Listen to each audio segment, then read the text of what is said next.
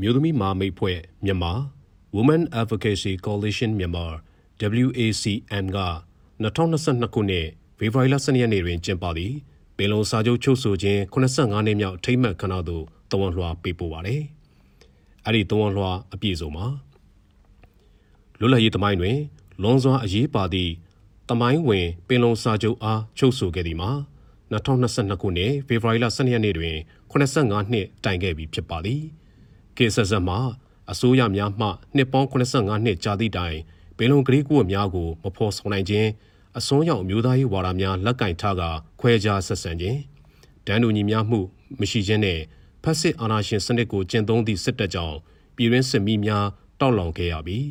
ဒိုင်းသူပြည်သားလူမျိုးစုများသည်ဒဏ်တူညီမျှအခွင့်အရေးများဆုံးရှုံးခဲ့ရသည်2021ခုနှစ်ຫນွေဦးတော်လှန်ရေးသည်ဖက်စစ်စစ်တပ်အပါအဝင် အာဏာရှင်စနစ်မှန်သမျှကိုတွန်းလှန်ကာဒဏ်တူညီမျှရေးကိုအလေးပေးသည့် Federal Democracy ပြည်ထောင်စုကိုတည်ဆောက်နိုင်ရန်တွန်းလှန်နေခြင်းဖြစ်သောကြောင့်မိမိတို့မျိုးသမီးမဟာမိတ်မြန်မာအဖွဲ့မှအာဏာရှင်စနစ်မှန်သမျှတွန်းလှန်ကြရန်နှင့်အာဏာရှင်စနစ်ကိုအားဖြည့်ပေးနေသည့်လူမျိုးကြီးဝါဒ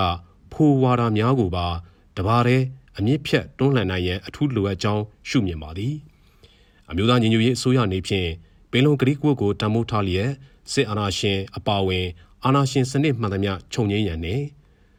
gender ဒန်းတူညီမျှရေးအပါအဝင် လူမျိုးစုဒန်းတူညီမျှရေးလူနည်းစုနှင့်ထိခိုက်လွယ်သူများလိန်စိတ်ခံယူမှုကွဲပြားသူများမတန်ဆွမ်းသူများအားလုံးပါဝင်နိုင်သည့် Federal Democracy ပြည်ထောင်စုကိုတည်ဆောက်နိုင်ရန်နှင့်လူမှုတရားမျှတမှုတို့ကိုဖော်ဆောင်ပေးနိုင်ပါရန်မိမိတို့မှအလေးအနက်တိုက်တွန်းအပ်ပါသည်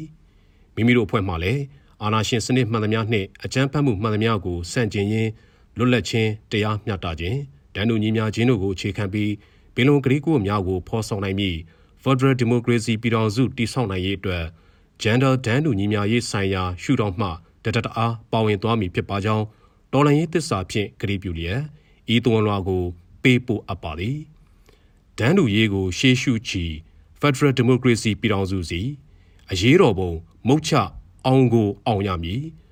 WAC မြန်မာဟု ဖော်ပြပါရှိပါတယ်ခင်ဗျာ